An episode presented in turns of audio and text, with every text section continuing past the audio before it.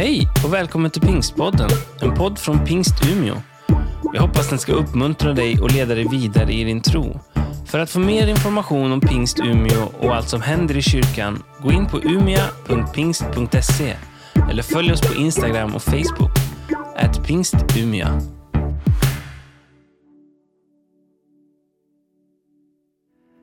Ja, men så härligt att få mötas i kyrkan igen och vad roligt att se de här konfirmanderna här framme. Liksom. Där har vi ju auktionsförrättaren ser jag. Jag tyckte du fick dåligt betalt för människan där. Och så tyckte jag lite synd om, om Vilma då, som skulle säljas där. Eh, vad är en människa värd egentligen? Då? Ja, det är ju en jättebra fråga. Ibland kan man ju tro att det har att göra med hur man ser ut. Så sätter man på sig snygga kläder och så tänker man nu är jag mer värdefull. Liksom. Nu är jag inne. Liksom. Som jag idag, jag tar skjortan utanför. Jag är lite järv. Tänker jag måste flörta med ungdomarna. Liksom. Eller så tänker man om man är stark. Va? Då är jag, om man är stark, liksom, då, då är man mer värd. Liksom. Eller om man, eh, men om man är smart, alltså intelligent, tänker snabbt. Liksom. Ja, men då är jag mer värd. Men så har vi ju alla sådana där dagar när man inte ser så snygg ut som, och så är man kanske, ja men det strular lite grann och så råkar man säga något man inte skulle vilja säga och så känner man sig värdelös. Är det bara jag som har sådana dagar? Vet, ni är så tysta här i kyrkan. Ni är ju här, kom igen. Ja, det var någon till här som har viss, viss själv, självkännedom. Ja, men det är ju så, va? ibland känner man sig värdelös. Då är det väldigt bra att påminna sig om det där bibelordet som Fredrik läste. Att det finns en Gud i himlen som har satt ett värde på mitt liv som är omätbart. Det tycker jag var jättebra. Så Vilma, jag har inte råd att köpa dig. Men den Gud som vi har i himlen, han har råd. Han har till och med betalat ett oerhört pris för dig. Okej, okay.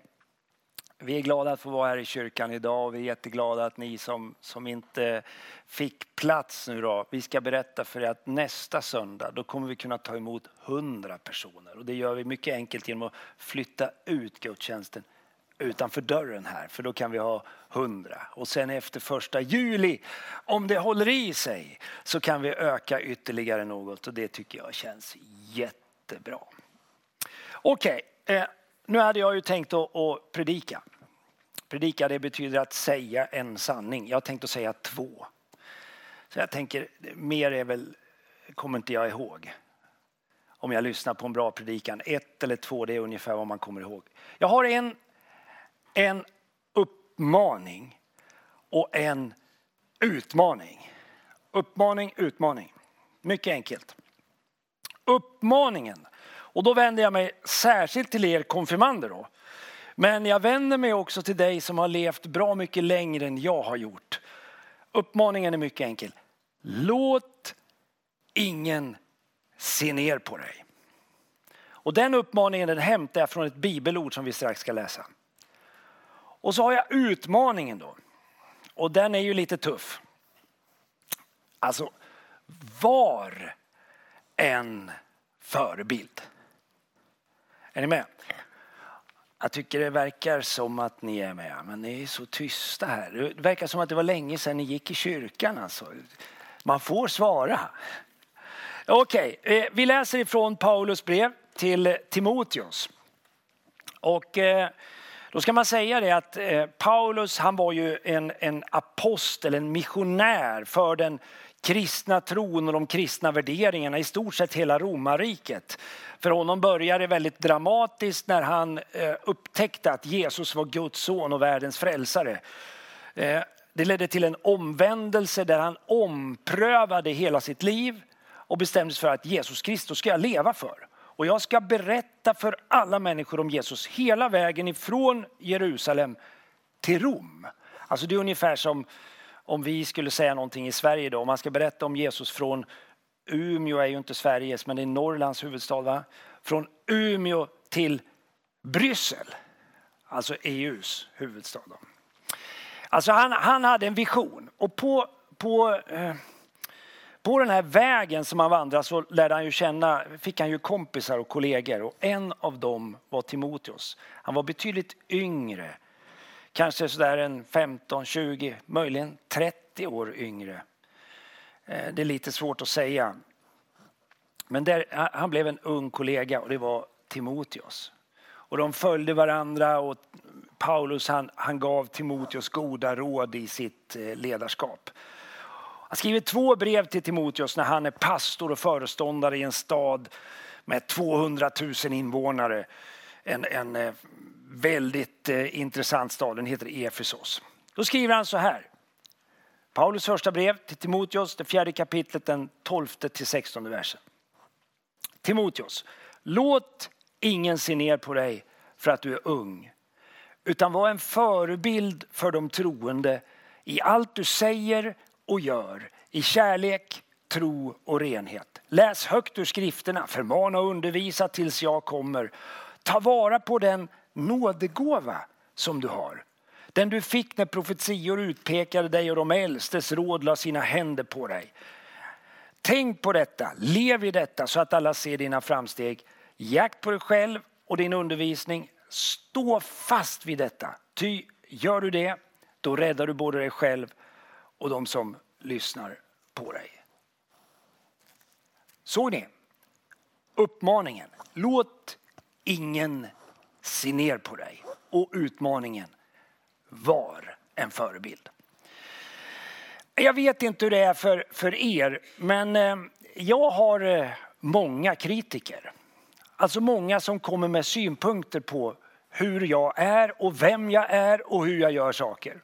Och jag vet ju om det, för det, det är så att om man kliver ut i det offentliga rummet, ställer sig på en scen så här, ja, men då, säkert kommer någon att kommentera skjortan och någon att kommentera predikans längd. Och, ja, men man har synpunkter på varandra. Men vet ni vem som är min värsta kritiker? Den som hela tiden är på mig och diskuterar och ventilerar allt som jag säger och gör. Det är jag själv. Hur är det för er? Alltså när man, när man ligger där på kvällen och liksom summerar dagen och så funderar man på hur har, hur har den här dagen varit? Och, äh, men ni vet, då kan jag vara väldigt tacksam för väldigt mycket jag har varit med om. Men det är hela tiden saker som jag tycker, det där borde jag ha gjort bättre. Det där skulle du ha gjort så. Och så börjar jag diskutera. Och det värsta är att den kritiken han allierar sig emellanåt med en annan röst. Som Bibeln faktiskt kallar för åklagaren. Jag vet inte om vi har, vi har ju en, någon som Ja, men om ni någon gång har varit och sett på någon rättegång så vet ni att man, man har en domare och så har man en åklagare och sen har man en advokat.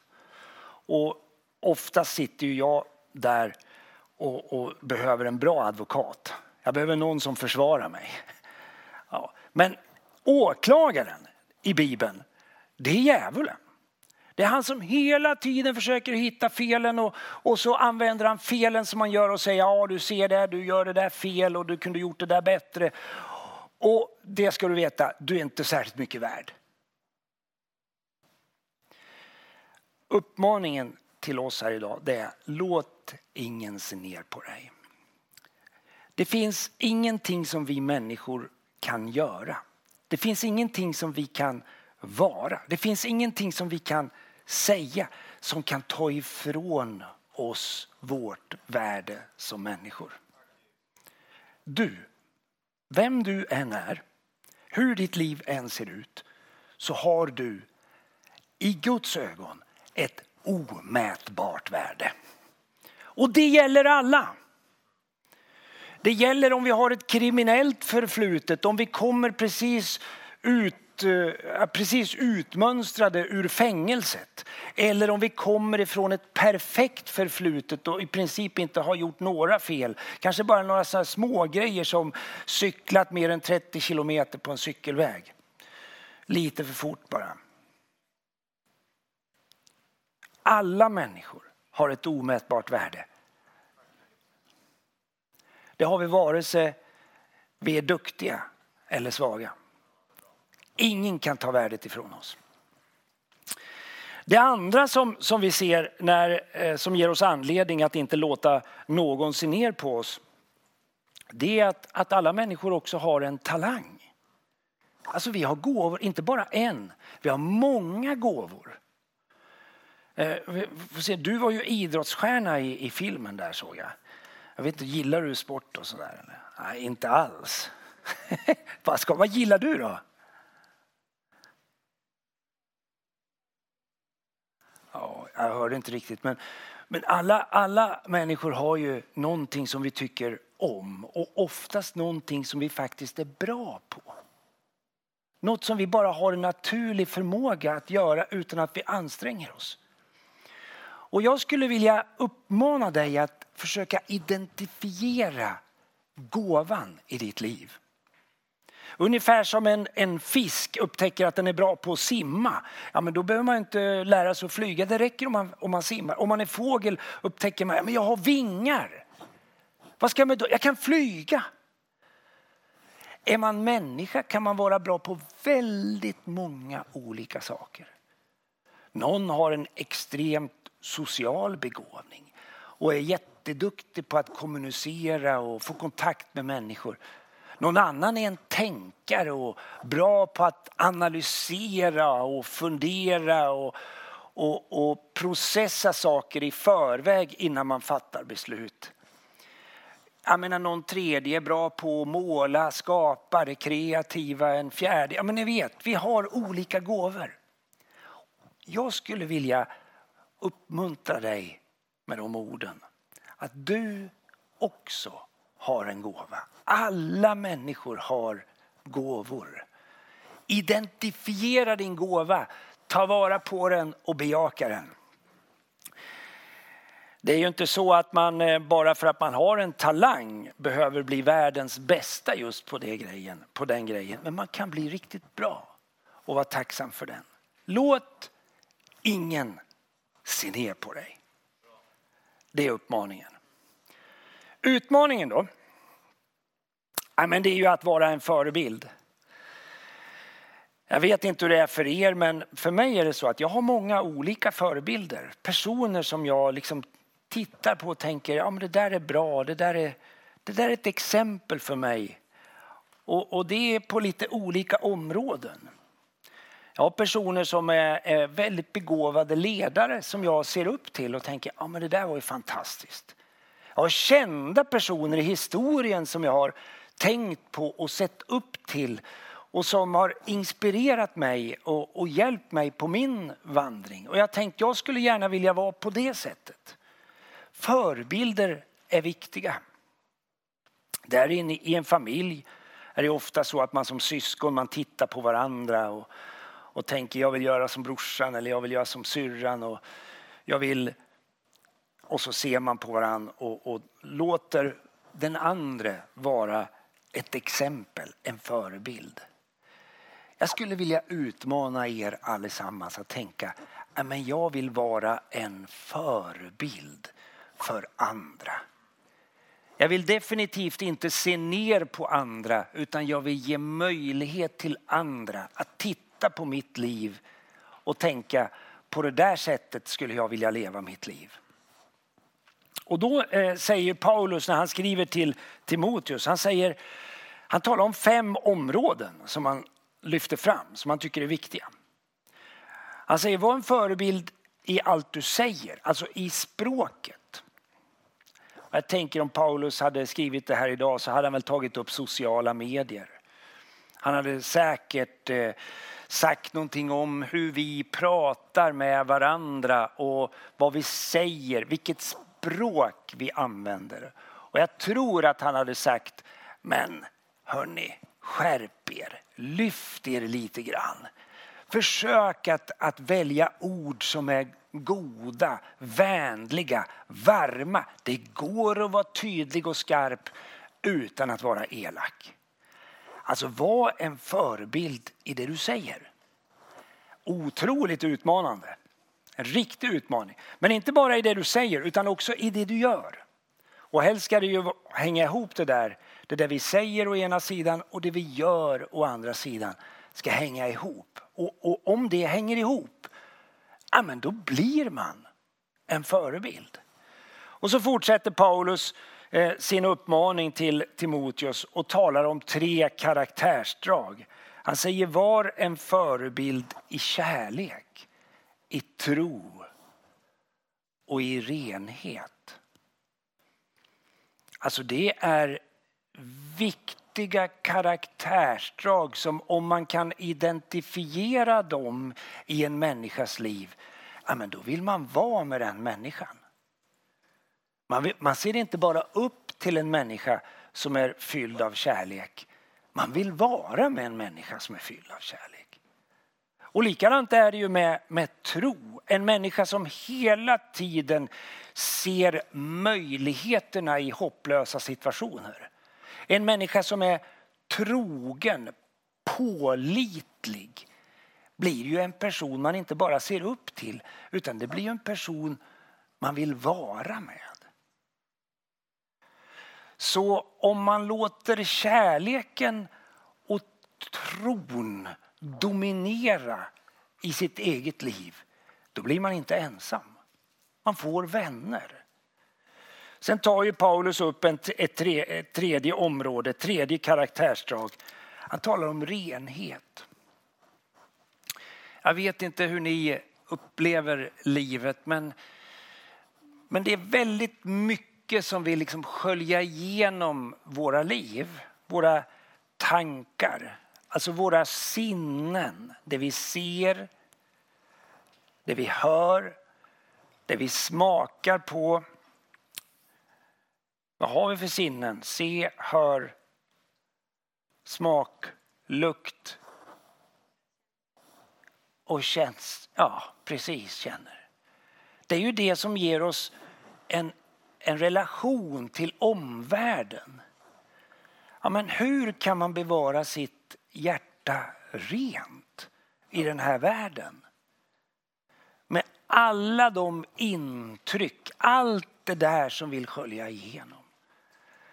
Ja, Bibeln är ju väldigt upp, uppriktig när den beskriver verkligheten. Den säger att det är inte så enkelt. Därför att vi möter allesammans en massa saker som, ja, men som vill smutsa ner våra liv. Så enda chansen det är att man har en riktigt bra tvättmaskin. Alltså man måste tvätta sina kläder hela tiden. Jag vet inte hur det är för er men jag har sällan en skjorta mer än en dag. För jag tänker att den ska vara ren och fräsch.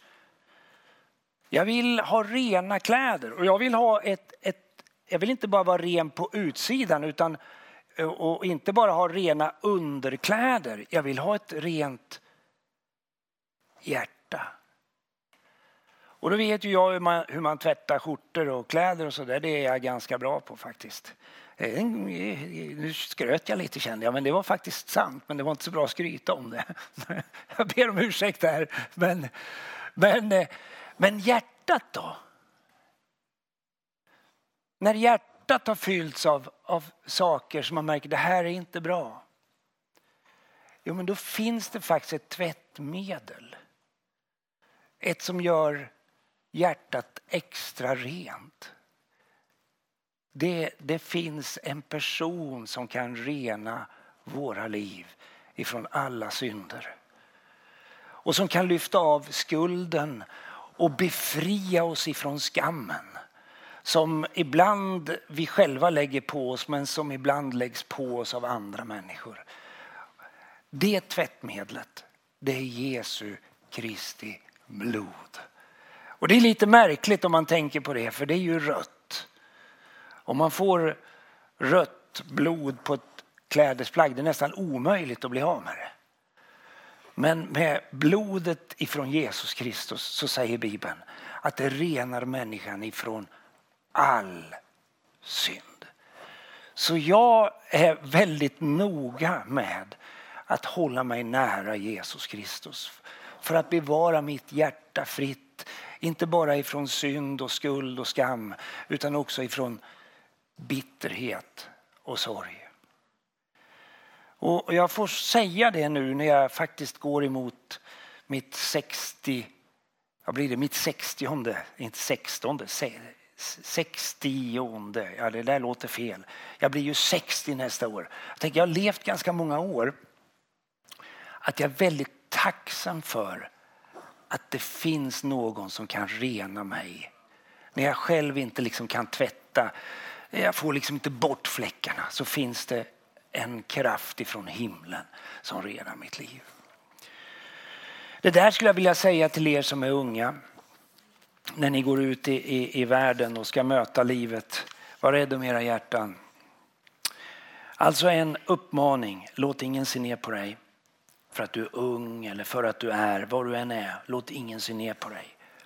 Och var en förebild i allt du säger, gör, i kärlek, tro och renhet. Ska vi be tillsammans. Gud, jag vill tacka dig för den vägledning som du ger till oss genom ditt eget ord. Du eh, känner ju våra liv och du vet att vi, även om vi lever i samtiden, långt ifrån tiden då de här texterna och breven skrevs, går tillbaka till de här tidlösa orden ifrån ditt eget ord för att hämta vägledning. Och vi tackar dig. Tackar dig för den hälsning som Bibeln ger till oss. Att alla människor är bärare av ett omätbart värde. Tack att du låta det sjunka in. När vi ser på våra liv, att vi vågar säga tillsammans med dig och din ande, jag är värdefull. Mitt liv är värdefullt och fyllas av tacksamhet för det du har gett. Så ber jag om den helige andes kraft över våra liv så att vi inte bara bejakar värdet du ser i våra liv utan faktiskt också vinner förmågan och kraften att resa oss upp, räta våra ryggar och bli exempel på hur man kan leva ett värdigt liv. Ett liv i frihet där vi också tar ansvar, inte bara för oss själva utan också för varandra och vår omgivning. Jag ber om det, så ber jag om särskild välsignelse över våra konfirmander idag. Tack för allt som de har fått lära sig under det här året. Jag ber att de ska, att de ska ha glädje av det på sin vandring genom livet. Jag ber om det i Jesu Kristi namn. Amen.